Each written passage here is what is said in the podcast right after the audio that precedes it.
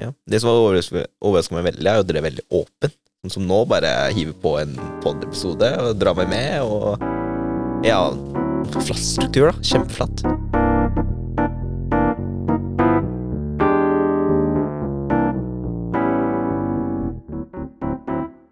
Velkommen til dagens episode av Egderøret. I dag Wow! Og eh, grunnen til at Andreas jubler, er at eh, jeg tror det er todelt. Eh, vi er ute av lockdown 2.0. Lett. Vi har besøk av en eh, som skal få lov til å presentere seg etterpå. Og vi skal snakke om noe vi har snakka om før, så vi er kjempegodt forberedt. Og Andreas er Det var tredelt. Det var tredelt. godt observert. Her er vi på jobb. Vi kan ta en runde rundt bordet, sånn at vi tar og kjenner igjen stemmene når vi hører de. Eh, og så kan vi fortelle om hva vi skal snakke om etterpå. Hvem er du? Renate Omundsen. Egde jobber med HR og rekruttering. Andreas, hei, hallo. Kanta her. eh, Ny stemme til Egdøre. Jeg har hørt på deres podkast en stund nå, og er student på UiA, masterstudent, som er på internship hos Egde. Spennende. Og jeg heter Øyvind Brekkhus Sandaker, og jeg jobber med egentlig mest utvikling og sånt her i Egde. Men så er det litt andre ting å holde på med, som kanskje vi kommer innom i dag.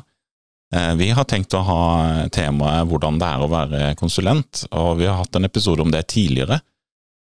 Vår første. Aller første var egentlig pilotepisode. Pilotepisoden var det. Mm. Da satt vi inn på et ekkorom borti her. Eh, nå har vi fått litt saccosekker rundt oss, og lyden eh, bouncer ikke så mye fra veggene og sånn. Men utenom det så har vi jo fått litt innspill av andre på hva de fikk ut av den episoden. Så det har vært gøy å fått litt annen input på det. Men hva sitter du igjen med etter vi har hatt eh, den første episoden der, med hvordan det er å være konsulent? Hva, hva har du tenkt eh, siden da, Andreas? For det første så hadde vi jo ganske ulike meninger, eller ulikt utgangspunkt av meninger når vi gikk inn i den episoden. Um, fikk ikke sagt det vi ønsket å si nødvendigvis. Kvalitetsmessig kanskje ikke det beste podkasten, episoden, så derfor sitter vi her i dag igjen. Eh, men jeg er kanskje mest interessert i å høre på en som ikke har vært i podkasten før, og hva den personen tenker om hvordan det er å være konsulent, eller ser det for seg. Santa, hva, hva, hva tenker du rundt det? Du, eh, jeg vet egentlig ikke så veldig mye, men jeg har researchet en del med det akkurat å være konsulent. Og det var jo spennende å høre på deres episode, hvordan det fungerer i prosjekt og sånne ting. Fordi um, for, for meg, da, så ser jeg at det var ganske Altså, og mange andre jeg prater med, så det er konsulent ganske kult jobb, fordi du får hive deg på en måte i mange ulike prosjekter. Så det er til å spørre deg, hvordan er det å hoppe på de ulike prosjektene? Hvordan er det man blir med i et prosjekt og hopper til en annen? Hvordan lærer man seg de man, kunnskapene innen prosjektene? Ja, vi har jo litt forskjellig inngangsvinkel der, kanskje. Eh, Renate rekrutterer jo en del, og du og meg, Andreas, er jo innom en del prosjekter. Sånn. For min del så eh, er jeg inne i veldig mange forskjellige prosjekter nå, og jeg merker at så lenge jeg ikke, eh, for min del, da, å skrive kode i de prosjektene, Mm. men bistår med litt mer sånn rådgivning og Ja, arkitekturbiter og sånn, så er det veldig lett å sjonglere. ok. Men når jeg skal sette meg ned og kan sammenlignes med å skrive et uh, svært dokument, da, Ja, okay. så trenger jeg å være inni det prosjektet en stund for at det skal bli bra for både meg og eh, kundene våre, da. Så det kommer litt an på oppgaven man får. Men sånn som nå, så er det jo ja, jobbe med fire, fem, seks forskjellige ting da, her i Egde Ja, nå. Så nå etterpå så jobber jeg for eksempel og å skrive et tilbud. Okay. Og så jobber jeg med å lage en podkast i Nav om sikkerhet. Så kult. Og så jobber jeg med et par prosjekter innenfor e-helse. Og et par prosjekter innenfor kommunal sektor. Hvordan er det å manage tiden din og klare alt dette her? Og du må jo kommunisere ut og samarbeide med Jeg klarer ikke flere. svaret. Det er derfor jeg har pod holder podkast i tillegg, sånn at eh, illusjonen av kontroll kan eh, formidles til flere. Nei, det, det går greit så lenge man uh, har litt orden i sysakene, så jeg bruker noe sånn her eh, personlig produktivitet-hacks Ah, for å kunne fokusere på en og en ting. Det skal være en annen podkastepisode om, om en stund, Kult. Men eh, jeg har noe sånn Ja, i IT-verden så bruker man jo sånne verktøy som eh, Jira for task management og sånn. Stemmer. Eh, Det er noe à la det, bare for personlig orden i sysakene. Ja, gøy. Åssen er det når du rekrutterer, og uh, hva møter du da av det Kanta nevner om hvordan det er å være konsulent? Har de noen sånne fordommer og sånn, eller noe sånt, Renate? Du, det har jeg ikke opplevd. Eh, At det er fordommer mot konsulenter. Det er mer interesse og nysgjerrighet. Eh, Og så opplever jeg jo at kandidatene som søker hos oss, har jo satt seg godt inn i hva de søker seg til. Eh, Så de vet jo at de har søkt seg da eventuelt til et konsulentselskap. Så det er jo mer interesse på hvilke kunder har vi, hvilke prosjekter er det, hva, hva jobber vi ved, hvordan jobber vi, hvordan er vi organisert. Det er jo ikke noe sånn at det er jo ikke overraskende på de at det er konsulent de har søkt seg til Mm. når de søker hos oss. Mm. Så det er mer sånn nysgjerrighet rundt Egde og åssen vi driver. Ja. Det er jo litt- Det er jo litt rart, for vi i den første episoden så var jo egentlig fasit der var at vi prøvde å synliggjøre hva en konsulent var, for det hadde, vi trodde at de hadde dårlig utgangspunkt eller rykte, altså blåruss Veldig og alt dette sant. her, fine powerpoint-rapporter og lite arbeid. Men det her er det stikk motsatte. Det, det er ikke sånn vi opplever de rekrutteringsprosessene, i hvert fall. At vi Ja, blir. Det er ikke men, men jeg tenker at søker du deg til en jobb, så går du ikke inn og har fordommer mot jobben du har søkt. Nei. Eh, noen av de eh, dyktigste folka innen sånn programmeringsfag og sånn jeg jobber med, de tror jeg kanskje ikke gidder å sette seg inn i eh, hva, hva konsulentjobben er. De hører mer på de fordommene de blir fortalt av andre. Mm. Så har du gjort noen sånne betraktninger om hvem man går glipp av, når man kanskje er litt sånn laidback og venter på sånne som Kanta, som har eh, undersøkt mer om hvilke muligheter som fins? Det er jo kanskje kandidater man i utgangspunktet ikke får, da, Ja, som du sier. Så det er jo interessant å høre på hva, om Ja, du har tenkt noe på det. jeg tenker sånn fra eh, sånn eh, Sånne folk vil jeg gjerne jobbe med, men så kan det være at de har noen fordommer som gjør at de ikke kommer inn på den tanken som Kanta har kommet inn på. Mm. Ja, da tenker jeg at, eh, at det vi gjør med synlighet, av hvordan vi jobber i Egde, er viktig. Sånn som denne podkasten, viktig. Mm. Eh, deltakelse på karrieredager, viktig. Få frem hvordan vi jobber, er, er viktig for å bygge ned de eventuelt fordommene som måtte være der. Mm. Ufarliggjøre den der eh, konsulentrollen som kanskje noen måtte ha. Vinkle på det positive og gøye med, med det der at man kan eh, velge i stor grad Mm. eh, hvilke prosjekter man vil jobbe med, hvilke, hvilke kodespråk man ønsker å konsentrere seg om. Eh, fokusere på den biten med den store graden av kompetanseheving du til enhver tid kan gjøre. Eh, få frem alle de positive tinga med å være konsulent. Mm. Mm. Med at man ikke har på en måte en det er ikke, Du har ikke søkt deg til en bedrift der det er klart og tydelig en stillingsbeskrivelse at dette skal du sitte og gjøre, så lenge du er her. Mm. Du er med på å forme din egen arbeidshverdag. Det, det er jo det er jo en av fordelene med Ja. konsulent. Ja, fordi det var det jeg pratet med mine stu- medstudenter, da, som har lyst til å være konsulent. Eh, det har blitt en, en greie at folk har lyst til å være konsulent, forresten. det har fått gode rykter. Og det med friheten, som du nevnte, det er veldig kult at man kanskje Jeg har lyst til å jobbe med dette her, og man har muligheten kanskje til å velge, da. Dette har jeg lyst til å jobbe med. Så det tror jeg er en veldig god idé. Um, og hvordan er det håper jeg, Er det en e- spesiell egenskap eller noe som skiller seg ut da når du ser etter de kandidatene? Hvordan kan de forberede seg, eventuelt? Eh, det er kanskje det som er viktigst, det er evnen til å sette seg inn i nye ting. Mm. Eh, det, det er jo viktig, at man har den evnen til å raskt kunne ta skifter. Eh, sånn som du òg var inne på, at det, dere har mye Du har mange Du kan ha mange prosjekter gående samtidig. Så den der evnen til å være strukturert, til å sette seg nye, i, inn i nye ting, til å være nysgjerrig på nye ting, eh, til å, å ha med seg øyne og ører og fange opp det som skjer, det, det er viktig. Mm. Eh, det, det er gode egenskaper. Men Hvordan har overgang for dere vært, da? Dere som har vært konsulenter. Var det så lett å lære nye ting med en gang? Jeg kommer rett fra skolebank, skolebanken. Skolebanken!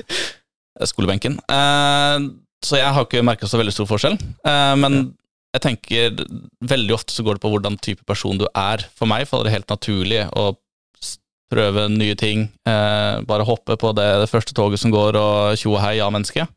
Eh, det er nødvendigvis ikke alle som er det, Mm. og da er det kanskje litt andre aspekter de må tenke på, da. Hva tenker du om det, Øyvind? Du har jo jobba som fast ansatt i en bedrift, eh, og nå er ja, sjonglerer med seks eh, prosjekter. Hva Jeg syns det er eh, ganske likt. Eh, samtidig så ser jeg de som tror at det er veldig ulikt, fordi at du, du er mer fiksert på et, eh, et prosjekt, og du skjønner mer av det man skal levere i en, eh, en type telekombedrift eller en bettingbedrift. Eh, Da skjønner du litt mer hva du skal gjøre. Mens i Egde så er det mer den der kunnskapsdrevne og den eh, hvor kultur da blir mye mer viktig, fordi at arbeidsoppgavene en- er ganske forskjellig for de enkelte. Eh, og du kan liksom være ute i forskjellige bedrifter, og du, men du må alltid føle tilhørighet da, til, eh, til Egde. Og det med Og det blir veldig annerledes enn hvordan det er ute i en, eh, i en bedrift med, med, vanlig, med vanlig rytme, da. Ja, for der har du gjerne én fast kultur å forholde deg til, Mm. mens du som konsulent i Egde må, som du sier, tilpasse deg flere kunders Og så alltid huske på en måte at det er Egde. Det er Egde jeg tilhører. Mm. Eh, og så må du tilpasse deg de andre. Men det er jo litt sånn at eh, det her, den her plattformen med sånn grunnkunnskap i, i den digitaliseringsprosessen, den er jo lik veldig ofte uavhengig bransje. Mm. Så det er jo å få bransjekunnskapen til mange flere forskjellige bransjer, som er en fordel med konsulent, kontra det å være fast en plass der du får en fast bransjekunnskap. Mm. Eh, så det er jo bare en fordel. Eh, Det er jo kjempespennende å lære seg veldig mye mer, annet enn den selve tekniske, digital Jeg er helt enig. Det er jo noe som trigger meg veldig, at eh, det er ikke nødvendigvis det tekniske. Det kan alltid lære på YouTube, eller Pluralsight, eller Udemy, eller bare google det. Mm. Eh, Men det med å gå inn til en kunde og passe inn i organisasjonen og sånn, det er en sånn kjempegøy utfordring. Mm. Fordi at det er vanskelig å få til. Det er kjempevanskelig å få til. Men eh, sånn som ja, kunder, da. Har man lagt merke til at eh, kan si, kunder eh, behandler deg annerledes pga. at du er konsulent? Basert på kanskje litt an gamle fordommer, at du, du er ikke likeverdig, eller du, de ser litt ned på deg, du kommer inn og skal ta jobben deres, eller you name it. Jeg har vel kanskje opplevd at de, de kan tørre å være litt strengere. Sånn, Mm. hvorfor jobber du med det? Det er jo null verdi. Ok, men sånn som jeg tolka det du sa for to uker siden, så var det det jeg skulle gjøre. Ja, men det skulle jo bare ta to timer. Ok, men ja. Og da tenker jeg i hodet mitt, ville du sagt det til den personen som sitter på pulten ved siden av deg, som jobber i det samme selskapet, eller blir jeg nå behandla litt annerledes?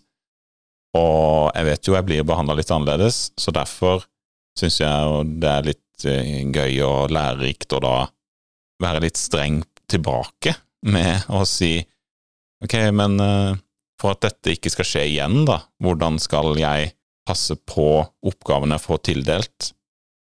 Og så kan jo det trigge en ny, bedre diskusjon om eh, kanskje bedriften mangler litt styring på oppgaver som kommer inn Mm. prioriteringer. Kanskje de mangler noen ledd da, som vi kan være med å identifisere. Og det er jo kanskje litt sånn stereotypisk konsulent å altså, tenke, tenke sånn, fordi at det betyr jo at eh, kanskje jeg også har lyst til å selge inn den kunnskapen. Men det er jo ikke nødvendigvis det. Jeg vil jo bare være der og gjøre den riktige jobben til enhver tid. Og så- Men hvis jeg hadde vært ansatt der, så kan det være at jeg bare hadde godtatt at den personen hadde en dårlig dag og kom og klagde til meg. Men når jeg er konsulent, så kan jeg jo også ta på meg den at eh, dere kan selv velge å beholde meg, fordi jeg er lett å bli kvitt. Så derfor kan jeg stille litt sånne kritiske spørsmål tilbake, som, som jeg føler er best for bedriftene her hos. Fordi at det vil lage litt sånn styring på oppgaver og vil gjøre eh, ut, altså for min del da, utvikling av god programvare bedre. Men er det typisk sånn konsulentatferd, eller bør det være god Det er jo sånn jeg var, har alltid vært. Ja. Eh, men eh, det er ikke Mens noen plasser så kan jeg liksom akseptere at noen leder på den og den måten, men når jeg er konsulent, så føler jeg at de burde få litt mer verdi, da, enn at man bare jatter med. Man burde utfordre litt når man Man er jo ute hos mange kunder og ser Mm. veldig gode eksempler på hvordan det skal gjøres. Sånn som eh, Nav og Skatteetaten er jo kroneksempler på Altså, det er bare å kopiere hvordan de gjør det. Det, det er helt uh, magic. Kan jeg spørre hvordan de, hvordan gjør de det? Det kan vi ta en ny episode på. Okay. Men de er veldig åpne og Mm. så man kan liksom finne ut av det. Og så er det de som tror at dette er noe sånn helt unikt for de bedriftene. Mm. Men hvis de hadde brukt litt tid på å undersøke bare sånn basic eh, hvordan man gjør utvikling av god programvare, da, for i mitt tilfelle igjen, så er det jo ikke noe vanskelig. Det er jo bare å få definert litt prosesser og passe på at man tenker på de riktige tingene til riktig, riktig tid. Så som konsulent da, så kan jeg gå inn der og så ta på meg den litt strenge hatten av og til, for det føler jeg liksom Som Egde så er det vår oppgave, fordi Mm. at det er det du får når du Det er jo det vi har sagt i salgsmøter, sikkert, at når du får en fra Egde, så er det ekte nær og nysgjerrig, og da er det det du får. Da får du en sånn derre Noen kan tolke det som en liten sånn vriompeis, mens øh, jeg tolker det som øh, en som passer litt på kundene sine, da. Mm. Ja, kult at dere reflekterer Egde sånn, da, i den situasjonen. Men hvordan blir på en måte det tatt imot? Har du opplevd hvordan det blir tatt imot som den situasjonen du nevnte, da, av den bedriften, eller den lederen, avdelingen? Nei, det blir tatt eh, som oftest veldig, veldig godt imot. Mm. Det er jo sikkert noen som har vært ute og opplevd det motsatte. Det fins kjipe mennesker overalt, tenker jeg. Så Ja. det, Ja. Så, men øh, men øh, flertallet så er det at det blir tatt godt imot. Og da blir det jo at man setter seg ned og har en veldig god samtale med kanskje noen andre enn den man adresserte, Mm. fordi at de skjønner at uh, dette må Dette er liksom en slags systemsvikt, og så kan man endre på prosessene rundt, da, som, uh, som, som gjør det å være konsulent uh, noe helt annet da, enn å være fast ansatt i en bedrift, føler jeg. Fordi at da kan du også si at vi har løst det på den og den måten hos andre kunder, som betyr at vi har kompetansen til å lære dere dette, hvis dere vil. Mm. Dere må ikke, dere kan få, du kan lære det sjøl, det kan dere lære her, eller kan lære av andre selskaper. Eller, men vi har jo også selvfølgelig den kompetansen, fordi at vi er en sånn type bedrift. Nå er det jo mye prat om, eller vi prater nå veldig mye om oppdrag og i oppdrag og mange kunder, men det skjer jo også at eh, det er litt sånn liten tørkeperiode eller en liten en periode mellom oppdrag hvor man ikke har et sånn spesifikt oppdrag. Hva, har du vært der, Øyvind? Jeg er der nå. Derfor du sitter her med podkast? Er? Nei, så eh, jeg er jo ute hos kunder, eh, men jeg er ikke 100% Nei? Ok. Men eh, jeg jobber med det vi definerer som eh, internprosjekter, Eh, Ok, ja. nesten, kanskje. I hvert fall det jeg i min, eh, min personlige produktivitetsbok kategoriserer som internprosjekter. Eh, Og det, eh, det blir da hvor vi lager eh, både inhouse-programvare, men også programvare, eller også jobber i team mot kunder. Inhouse-programvare, hvorfor trenger vi programvare? Øyvind? Nei, for eksempel å kjøre sikkerhetssjekker mot kundene våre.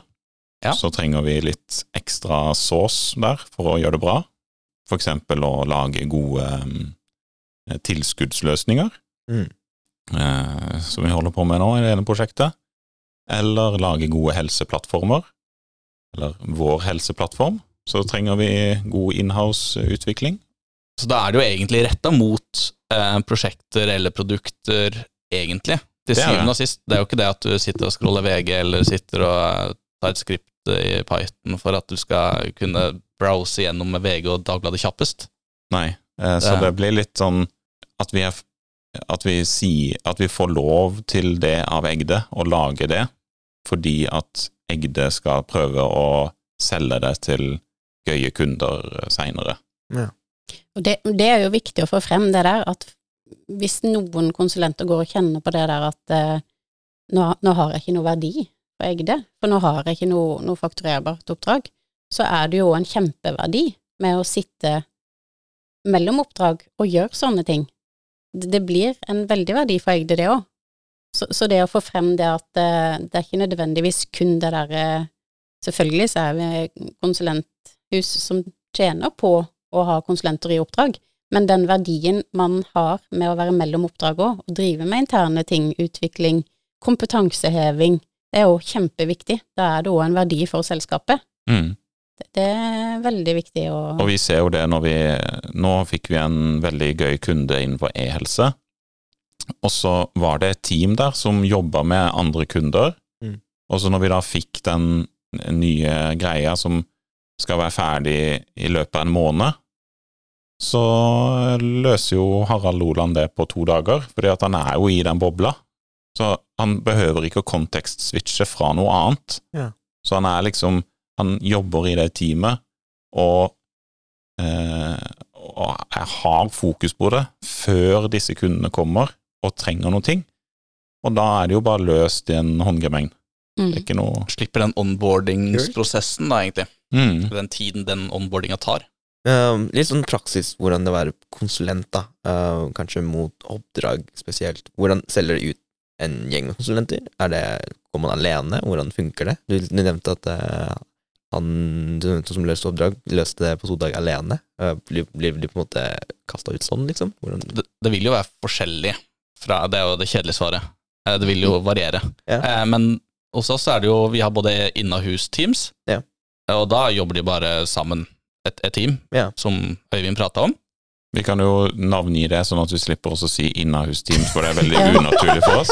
Smia kaller vi det. Vi kaller okay, det SMIA. Smia. Ja, så, Ja. så det er vårt, eh, eller våre teams. ja, Eh, Man kan leie ut en ressurs til én kunde alene. Okay. Noe som man nødvendigvis ikke har lyst til i utgangspunktet, kanskje. Mm. Og litt bakgrunnen for ikke lyst til det, er at hvis du da heller egentlig leier en ressurs fra Smia, Mm. så får du jo da på en måte et team som kan støtte den ene personen. Aha. Som betyr at selv om du er på jakt etter en utvikler, så får du også en tester og en prosjektleder og en agile coach og liksom Ja. en sånn greie som i tilfelle. Mm. Eller, eller så er det at, du, at vi vinner en eller annen rammeavtale og banker inn sju, eh, eller setter sammen et team og setter det ut til kunde, da, for Ja. eksempel. Og da jobber du kanskje i et sånn hybridteam med kundes utviklere, eh, Egdes utviklere, kanskje et tredjeparts konsulentfirmas utviklere. Ja. Det eh, varierer veldig. Eh, det blir jo spørsmål til kanskje hvis eh, det blir nye ansatte, da. Hvordan kommer de i nytt prosjekt? Velger de litt selv, eller kommer de kanskje litt mer sånn team som kan støtte de på starten? Og da prøver vi, altså først har du en sånn liten onboardingsprosess, der du har eh, noen gitte dager og uker der du skal lære Egde å kjenne, og så ser vi jo litt i god dialog med bemanningsleder.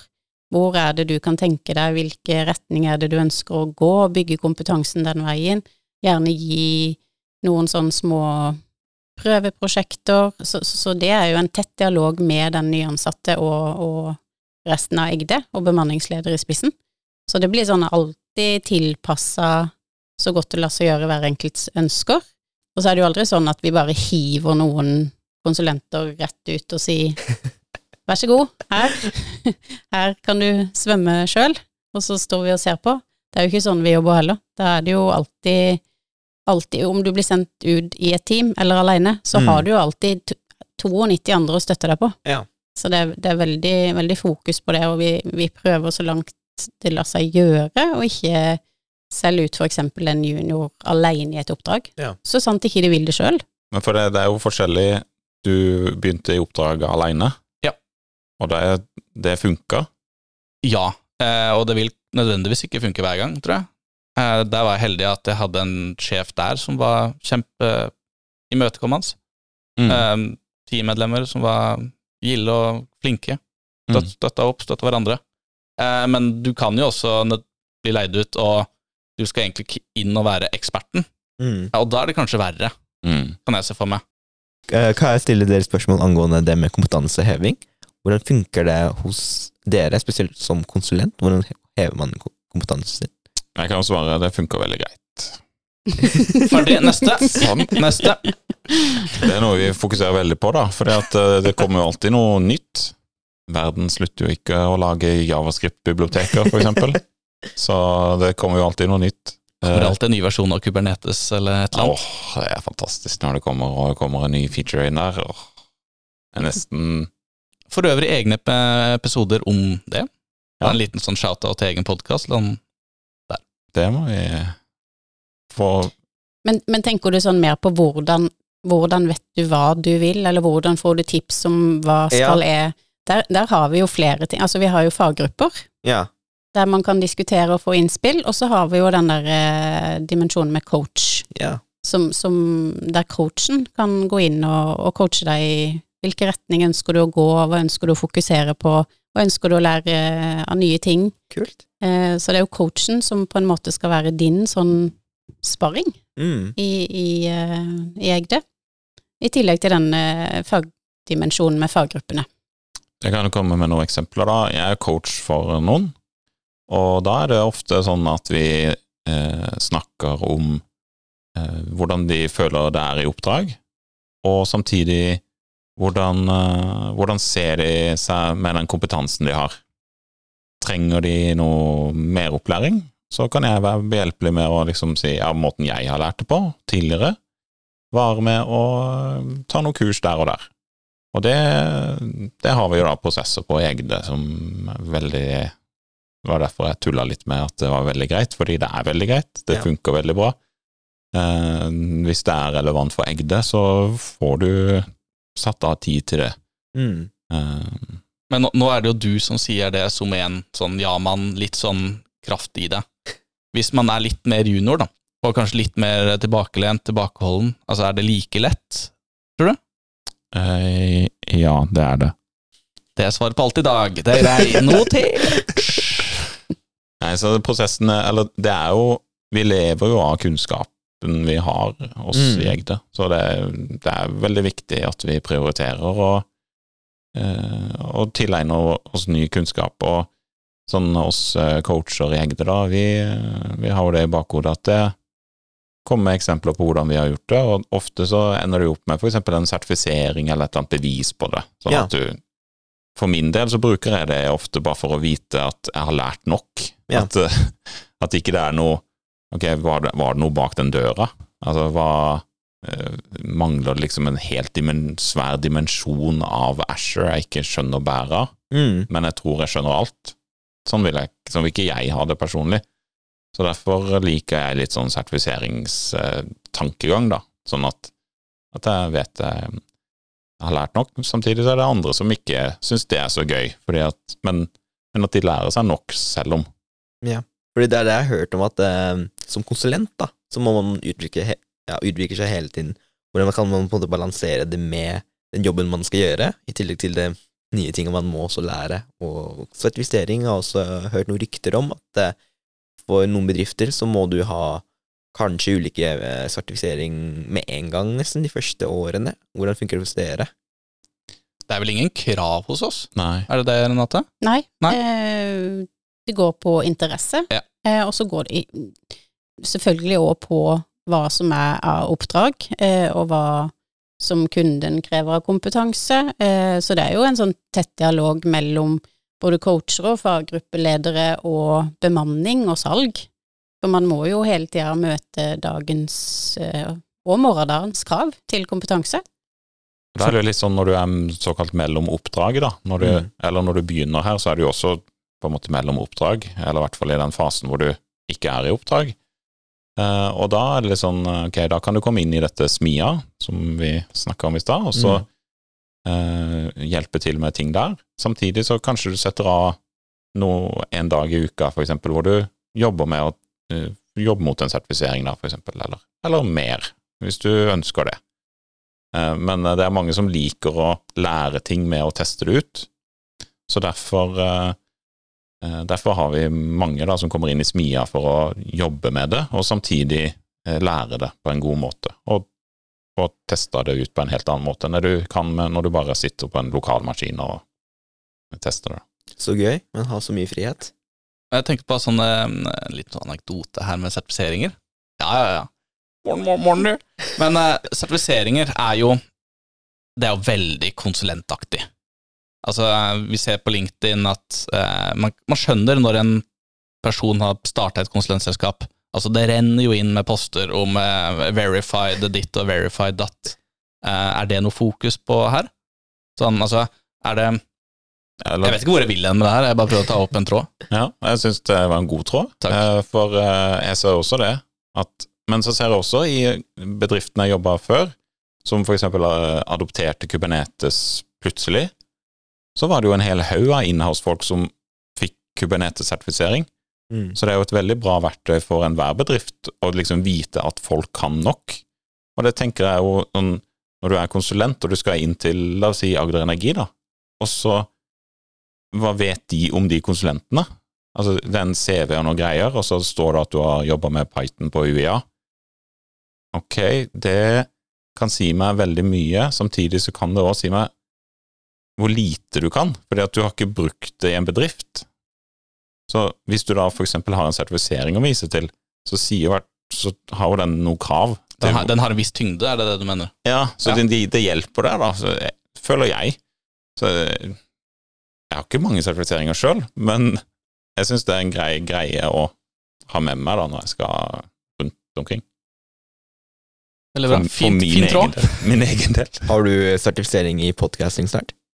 Eh, nei, jeg har bare Prøver jeg å finne på en sånn tullete måte å svare på det spørsmålet. Men eh, Radioamatør, du kan dra den retninga. Jeg har jo Radio Øyvind fra gammelt av. Eh, så sånn sett så er jeg jo egentlig pre-podkast. Eh, men det var eh, hjemme i Rådyrveien i Grimstad, når vi var de første i Grimstad som fikk ikke ADSL engang, men eh, kobber eh, eh, linja. Coax-internett. Så det var like bra upload som download. Nå nikker jeg og later som at jeg vet hva du prater om. Vet du ikke det? Ok, for det er så Jeg prøver litt humor her, Min, men eh, mindre ping. Jeg hadde mindre ping enn alle andre. Og nice fordel ses. Aimen min på Dust 2 var helt guddommelig. Nå sporer vi helt ut. Det er helt vilt. Det er viktig, det. For å ta opp tråden litt igjen, det som du var inne på, Kanta, med, med kompetanseheving, hvordan vi gjør det. For det kan vi ofte få litt spørsmål om hvordan kan jeg drive kompetanseheving når jeg er i 100% oppdrag. Eh, Sorry at jeg lo, det var, det var bare så syk context, uh, context-switching her nå. prøve å, prøve å Hente inn litt igjen her. Ses til eh, rekruttering. Jeg syns Renate sine spørsmål var mye bedre, så jeg velger å ignorere Ja, deg, Andreas. Altså, Har du noen erfaring med det? Når du er i 100% oppdrag, hvordan driver du aktivt kompetanseheving?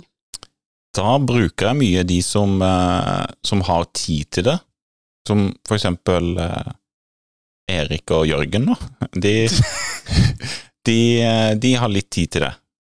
Så de dedikerer litt tid til det, selv om de egentlig ikke har tid til det, for de jobber med masse andre gøye ting.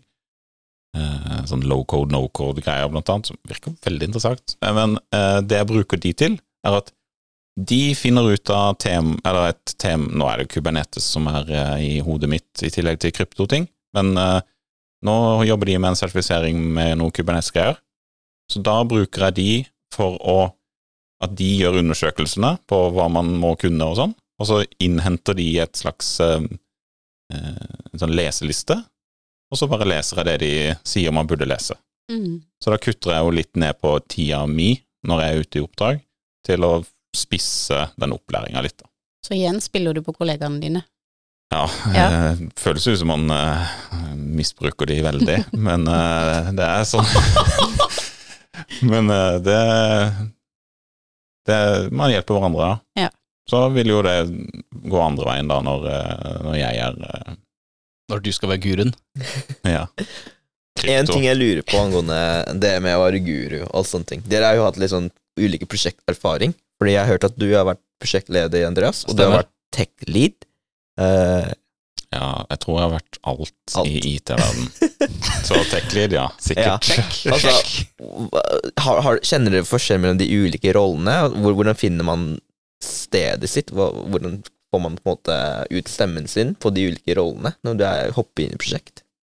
Altså Som prosjektleder så er det bare naturlig at stemmen din er der. Eh, Øyvind kan kanskje svare litt mer eh, meningsfullt der, hvis han har jo hatt alle hatter i IT-verden, som han sa.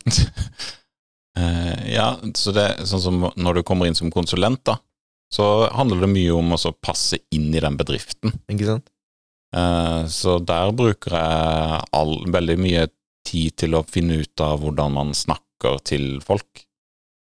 Eh, og det vil være veldig forskjellig i de forskjellige organisasjonene man er ute i.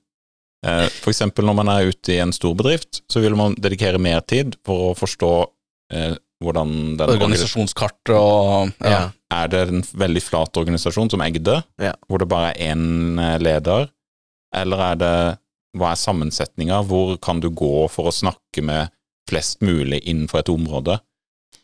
Eh, så det er veldig sånn organisasjonsavhengig. Vi har vel en bare en liten sånn snikskryt her, vi har en episode om eh, interessentanalyse, eller interessenter. Stemmer. Ja. Det er jo dypt inn på det der. Jeg hørte på bussen, by the way, i stad.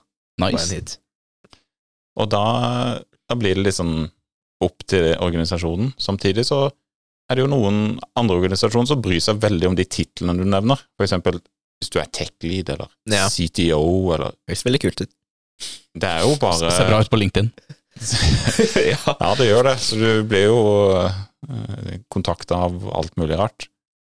Eh, men det har jo veldig lite å bety med mindre du klarer å Sånn at en konsulent da tilføre noe verdi til de bedriftene du er ute i. Mm. Så ja. Nå tenker jeg å spørre dere om sånne spesifikke ting da, innenfor å være konsulent. Er det spesifikke skills dere føler at det, ok, dette her bruker jeg veldig mye, dette her burde jeg kanskje få mer av? Energi. Ok, ja, ja. Tar det veldig mye? Nei, ja, du gir veldig mye. Ok. Jeg, jeg føler i hvert fall jeg gjør det, og det tar jo også litt. Men så lenge du gir noe og er på, er frempå, frempå for å lære, frempå for å gi, dele, så Mm. har du gjort mye. Hvis jeg skal gi, så på det ett. Ja, greier. det, det. det er jeg helt enig i.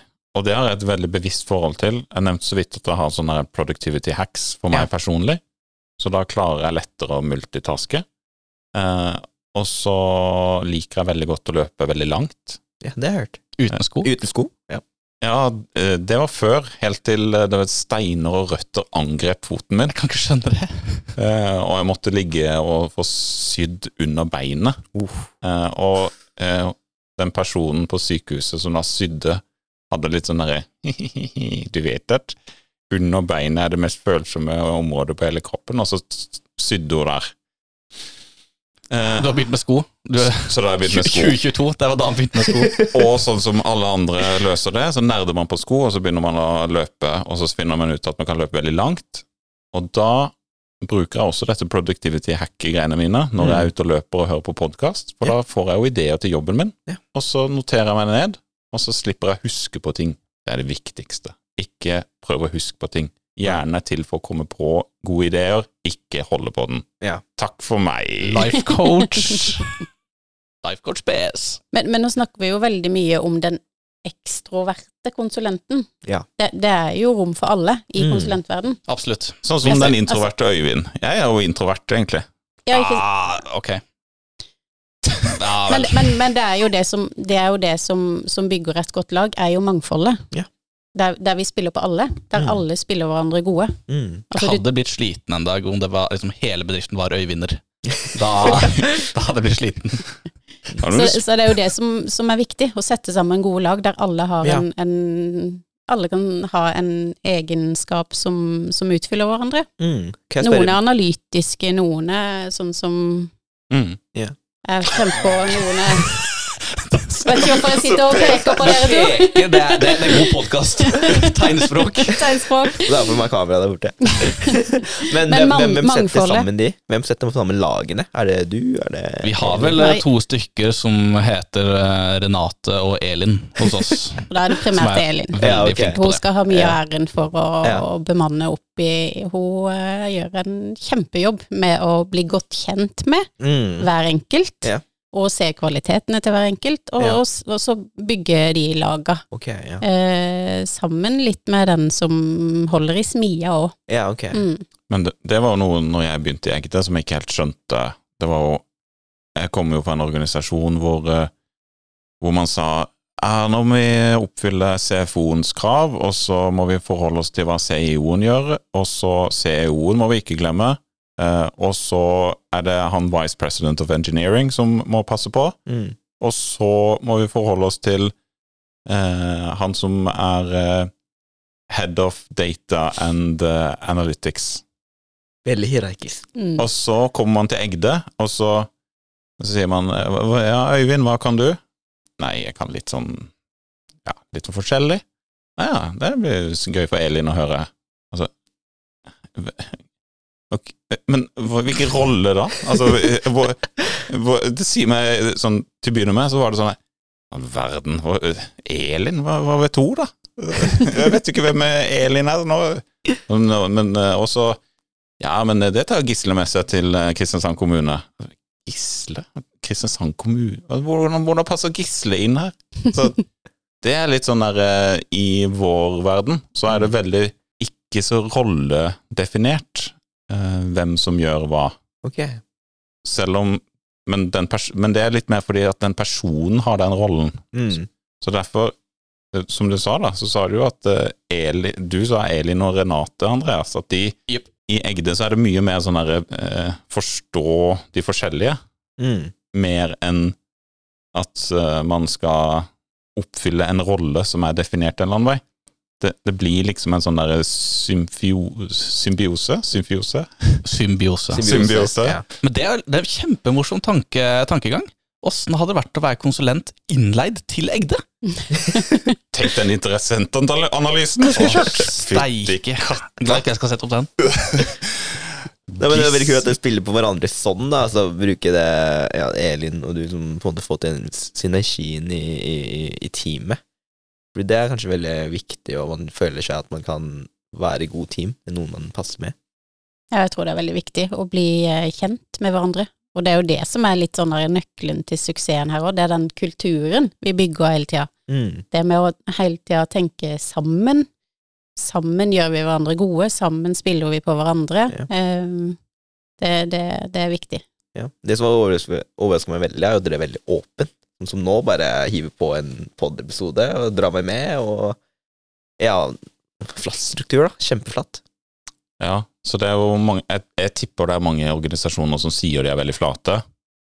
Eller kanskje de syns det er hipt og kult, så derfor sier de det. Mm. Eh, vi sier jo det også i Egde, eh, men så er proof in the pudding. Altså, det, Mm. Well said. Men den eh, Vi Vi Ja, jeg bør ikke si walk the walk and talk the talk, men det Du, sagt, sagt sagt. sagt er sagt.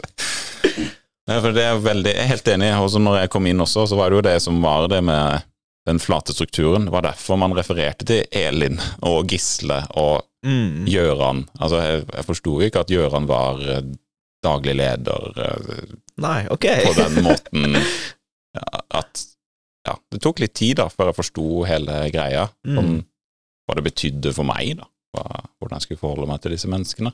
Men eh, jeg syns jo at eh, å være konsulent i Egde er jo veldig spennende. Mm. Det Rik og Katrine, Katrine Brun, eh, samboeren til Vegard i Egde, som eh, sendte meg av gårde. Nå er det tung name-dropping her, altså. Mm. Og hun, hun hadde rett med at jeg passa inn.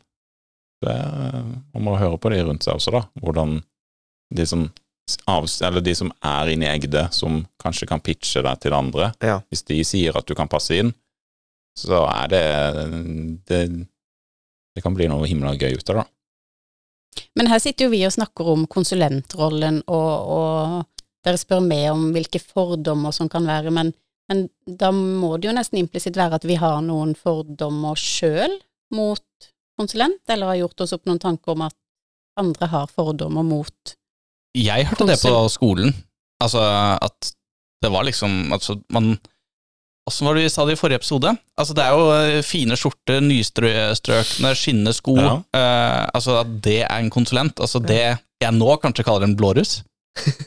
um, at det er liksom kanskje den tunge fordommen. Og så er jo den kjempemorsom hysteriske er jo altså, altså Du kommer med en powerpoint, og that's it. Ja. Altså, det er ikke noe hold i dine ord, osv., osv.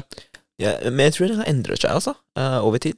Um, Ja, ja, 100, ja. Fordi- konsulent nå, da, som, som jeg og de andre jeg går med studiet med, det er på en måte det veldig mange har lyst til å, å bli. Fordi det er så åpent, det er så mye frihet, og det er så spennende, fordi du vet ikke hva du kommer til å jobbe med, og du kan kanskje velge litt hva du kan jobbe med. Kanskje du ikke liker å bare gjøre den ene tingen for, for resten av livet. Kanskje du vil prøve å hoppe i ulike prosjekter. Og jeg tror det er mange, spesielt studenter, tenker sånn at ok, konsulent er kanskje noe jeg kan prøve meg på, og så se hva jeg kan få til.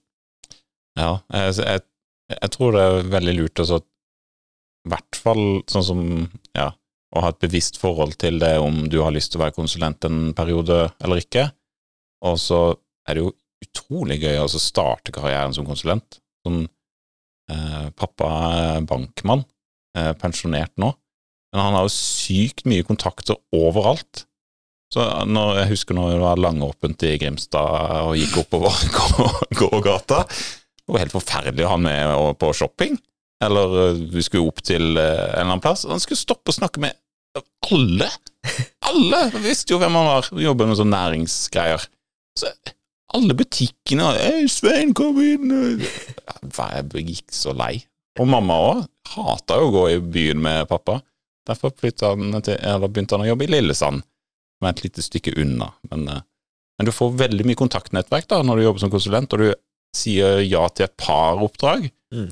Og ja, himla morsomt eh, å, å, å bygge det da på den måten. Ja, så er jo Sørlandet plutselig veldig lite når man begynner i den bransjen her. Ja, men jeg er helt enig. Vi har også sånne gøye bedrifter som kun, eller gøye kunder som Dyreparken og sånne ting. Ja. Sparebanken Sør. Alle de der er Men det er jo de store, og så er det alle de der små Mm. som kanskje blir store, som vi også er inne i. ok. Og det er jo morsomt å ha i bakhodet at det, det ligger noen sånne gullkorn eh, rundt omkring på Sørlandet. Snakk om Sørlandet. Er det, kan jeg spørre om dere er det største konsernhuset nå, eller på Sørlandet? Eller er dere Hvordan går det der?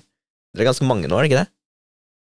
Jo. Jo, vi- er 92, men om vi er det største på Sørlandet, vet jeg ikke. Men vi er kanskje eh, Si det du sier til vanlig, da. Er jo ikke ledende Vi, jo, vi er et ledende konsulenthuset på Sørlandet, Ja, ja. og så er det jo hva en legger i det. Men det som på en måte er Egdes øh, øh, grunnlag, er jo at vi er jo etablert på Sørlandet for å bygge Sørlandet. Ja. Altså vi har ikke noe sånn der eh, Ambisjonene våre er ikke å ha et kontor i hver by i Norge. Nei. Eh, vi har et veldig ønske om å bygge teknisk kompetanse og tiltrekke oss dyktige mennesker til Sørlandet, Mm. og de dyktige menneskene, sånn som du kan ta, som går på skole her, til å bli på Sørlandet. Det, det å sette Sørlandet litt på kartet, eh, til, til å ikke sitte og være et konsulentselskap som er styrt av strategier fra noen hovedkontorer i utlandet, eller vi ser verdien som ligger i Sørlandet og ønsker å bygge videre på det. Det er vel kanskje Det vet jeg ikke om det er noen andre så store konsulenthus på Sørlandet som har det fokuset. Og så er det ikke noen sånne ambisjoner om at vi er Eller vi er, vi er ikke fornøyd med de folk Eller vi er fornøyd med de folka vi har nå, men vi har lyst til å Absolutt. vi er, du sikker? Ja. Jeg har fått noen andre signaler. Uff da. Eh, nei da, bare tuller. Eh, fordi at eh, vi vil jo vokse og bli enda større, og få Mm. enda mer ansvar for de kundene vi har. Eh, Mm. Så eh, vi skal bli det største konsulenthuset på Sørlandet. Men så vokser vi sånn sakte, men sikkert på en god måte nå, sånn organisk, og så ser vi hvordan eh, Hvor store vi må bli da for å nå de ambisjonene våre. Mm. Gode spørsmål, Kanta. Du har eh, Er det noe du liksom tenker mange lurer på? De spørsmålene du har her, eller er Ja, jeg, jeg, vil tro det, ja. Spesielt for um, medstudenter som er nye, som kanskje har ulike verdier da, nå. Fordi altså noen som, som, som jeg, jeg er jo ikke fra Sørlandet, men eh, jeg blei forelska i Sørlandet etter jeg kom hit, og ser hvor fint og, og rolig og Varmt. Ja, varmt. altså hvor bra det er her, da, og kanskje vil bli igjen. Mm. Altså men, har vi Dyreparken. Jeg har ikke vært der ennå. Det har ikke vært Hva i er Dyreparken. Det kan du pitche hvis han, hvis han Ah, Var det vene. TikTok han skulle starte? Ja, ja, ja, ja, ja. Du får en årskort i Dyreparken hvis han eh, Men Ja, det er altså, sånn vi holdt på, vi betaler internships i lovnader og gavekort. Det er, kjempegreit. Men Sørlandet har så mye t- å by på, da, og jeg tror det er veldig mange som ikke ser det. Fordi de er veldig opptatt av å Ja, vi skal til Oslo, og vi skal, vi skal til Bergen, ikke sant? de skal til storbyene. Eh, og jobber kanskje for de, å, de største selskapene. Men, Men, men da kjenner jeg at da, da blir jeg veldig nysgjerrig, for har du spurt hva, hva er det som trekker? Hva er det med de store konsulentselskapene i de store byene som trekker? jeg lurer også på det hva er det som trekker. Fordi For meg, da, det er på en måte ikke så veldig lurt å flytte til Oslo, fordi det er veldig dyrt å bo der. Og så øh, får man Kanskje man får høyere lønn, da. Som det, det, er, det er mange nevner. Faktor som, som lønn er veldig mye å si. Men samtidig så føler jeg at det, Men Har de regna på det, da? Ja. Ja, ikke sant? Har de regnet på det? Det er veldig dyrt å bo i storbyene. Så for meg så vil jeg på en måte ha Personlig da, så vil jeg på en måte ha et sted jeg føler jeg har ja, Jeg kan bidra til noe og, og, og skape verdi, da. Og jeg føler Sørlandet har på en måte et stort potensial. Mm. så nå, nå ble det jo litt sånn nedsnakking av andre konsulenthus her, så skal jeg bare debunke det. Um, for altså, du nevner mange har lyst til inn til Oslo, Ja. eh, i de store konsulenthusene der. Altså, klart, det gir jo de, de har jo mange muligheter. Altså, de driver jo med alt. Ja, ja. Det, Så altså, det, det jeg, jeg ser jo argumentene der, Ja, fordi det er på så jeg skal ikke slå den helt død med en gang. nei, men ja, ikke sant. Fordi det, er det Hva skal man si De veldig mange studenter eller nyutdanna, derfor dere på en måte vil ha kanskje noen, veldig mange av de igjen her, er at mange av de går til, til de Men- storbyene. Mange bruker jo sånn flotte ord for graduate program og trainee program, eh, som de har, da. Som når jeg gikk på skole, var veldig, populære, da. Ja. Eh, uten at jeg helt skjønte poenget med det. For altså, Egde har jo akkurat det samme, bare de kaller det ikke de flotte titlene. Ja. Altså, det er det fadderprogrammet. Du blir fulgt opp av en coach. Eh, Ja. Du velger din egen fremtid. Mm. Du velger hva du vil jobbe med. Det, er- så det er jo kanskje en liten sånn note til oss sjøl, da. At vi, kan, at vi mister kandidater på grunn av at vi ikke har fine nok ord. Altså, Men det er, en, det er en veldig reell ting. Veldig Mm. bra observert. Det er sånn Det er tilbake til buzzword-bingoen. det er bare at du bare bytter ut orda med noe annet, og så plutselig så er du, så er du det samme som det er i Oslo. ja, og vi har jo altså De kundene vi har, er jo bare helt sykt spennende å jobbe med. Ja, så er det ofte de samme kundene som de store har. Altså, det er jo Og hvis ikke vi er inne hos de, så har vi muligheten til det på rammeavtale via, via, via nivå. Så det er liksom eh, Det er ikke der det skal stoppe, tror jeg. Nei. Nei, og da er det sånn, hva, hva gjør vi for å beholde de yeah. studentene i, på Sørlandet? Hvordan, hvordan gjør vi det? Og da, da kan jeg jo bare se på hvordan vi gjør de Egde med å ha nå vet, nå vet ikke jeg hvordan det er i andre konsulent, for jeg kommer fra offentlig, Mm. eh, men, men det der å ha den derre flatstrukturen, det å ha den derre korte veien til beslutninger, Mm. det er det som du sa, Eivind, med at eh, Gjøran er Gjøran, liksom. Det tok faktisk dager før du så på han som daglig leder. Eh, han er Altså, vi sitter alle sammen. Eh, det er det åpne kontorlandskapet. Og så Mm. vet jeg at det er diskusjoner rundt det òg, men, men det ser vi på som en fordel. Eh, med å ha den korte veien til kollegaene, til å, til å ha kort vei til kundene, til å ha fingrene inn i veldig mye spennende blant veldig mange bedrifter på Sørlandet. Eh, det er jo veldig mange fordeler med Egde òg, og den organiseringa vi har, og den måten vi bygger kultur på, uten Mm. å vite helt hvordan andre, mm, andre gjør det. Det er i hvert fall verdier som jeg hadde satt pris på. Mm. Veldig bra. Jeg syns vi har vært innom veldig mye i denne andre episoden om hvordan det er å være konsulent. Eh, Sorry, Renate, jeg er litt tom. Så Renate ønska at vi skulle følge opp den tråden enda litt mer, men det jeg var litt jeg syns vi har belyst det i, eh, i, i de eh, foregående minuttene. enig. Veldig De bra. foregående 57. Oi. Ja. Tok Da, av i dag. kanskje vi skal tenke på å runde av, da, og så heller planlegge for en eh, tredje episode. Du kan heller ha en oppfølg- oppfølging. Og så nevnte vi så vidt at Kanta har begynt uh, som intern her. Skal være her uh, Er ikke det sånn sånn fancy ord, kanskje vi nå har Det er det, oss? buzzword bingo. Det er første. student skal altså Grattis til arbeidskraft. uh, som betyr at vi må få han inn og synse litt om hvordan det er å komme inn i Egde. Eh, og så anbefaler vi alle å høre på hans podkast. Hva heter den? Det heter Kantas Tech Talk. Eh, Det er egentlig perspektivet mitt da, som student, eh, å se litt sånn hvordan Altså, hva er det vi studenter lurer på? Hvordan er det på ulike bedrifter? Hva er det de ulike holder på med? Så ja, sjekk det ut. Mm. Og så takker vi for oppmøtet i dag. Og så ses vi i tredje episode om eh, hvordan det er å være konsulent. Plutselig. Ha det bra! Ha det bra! Ha det!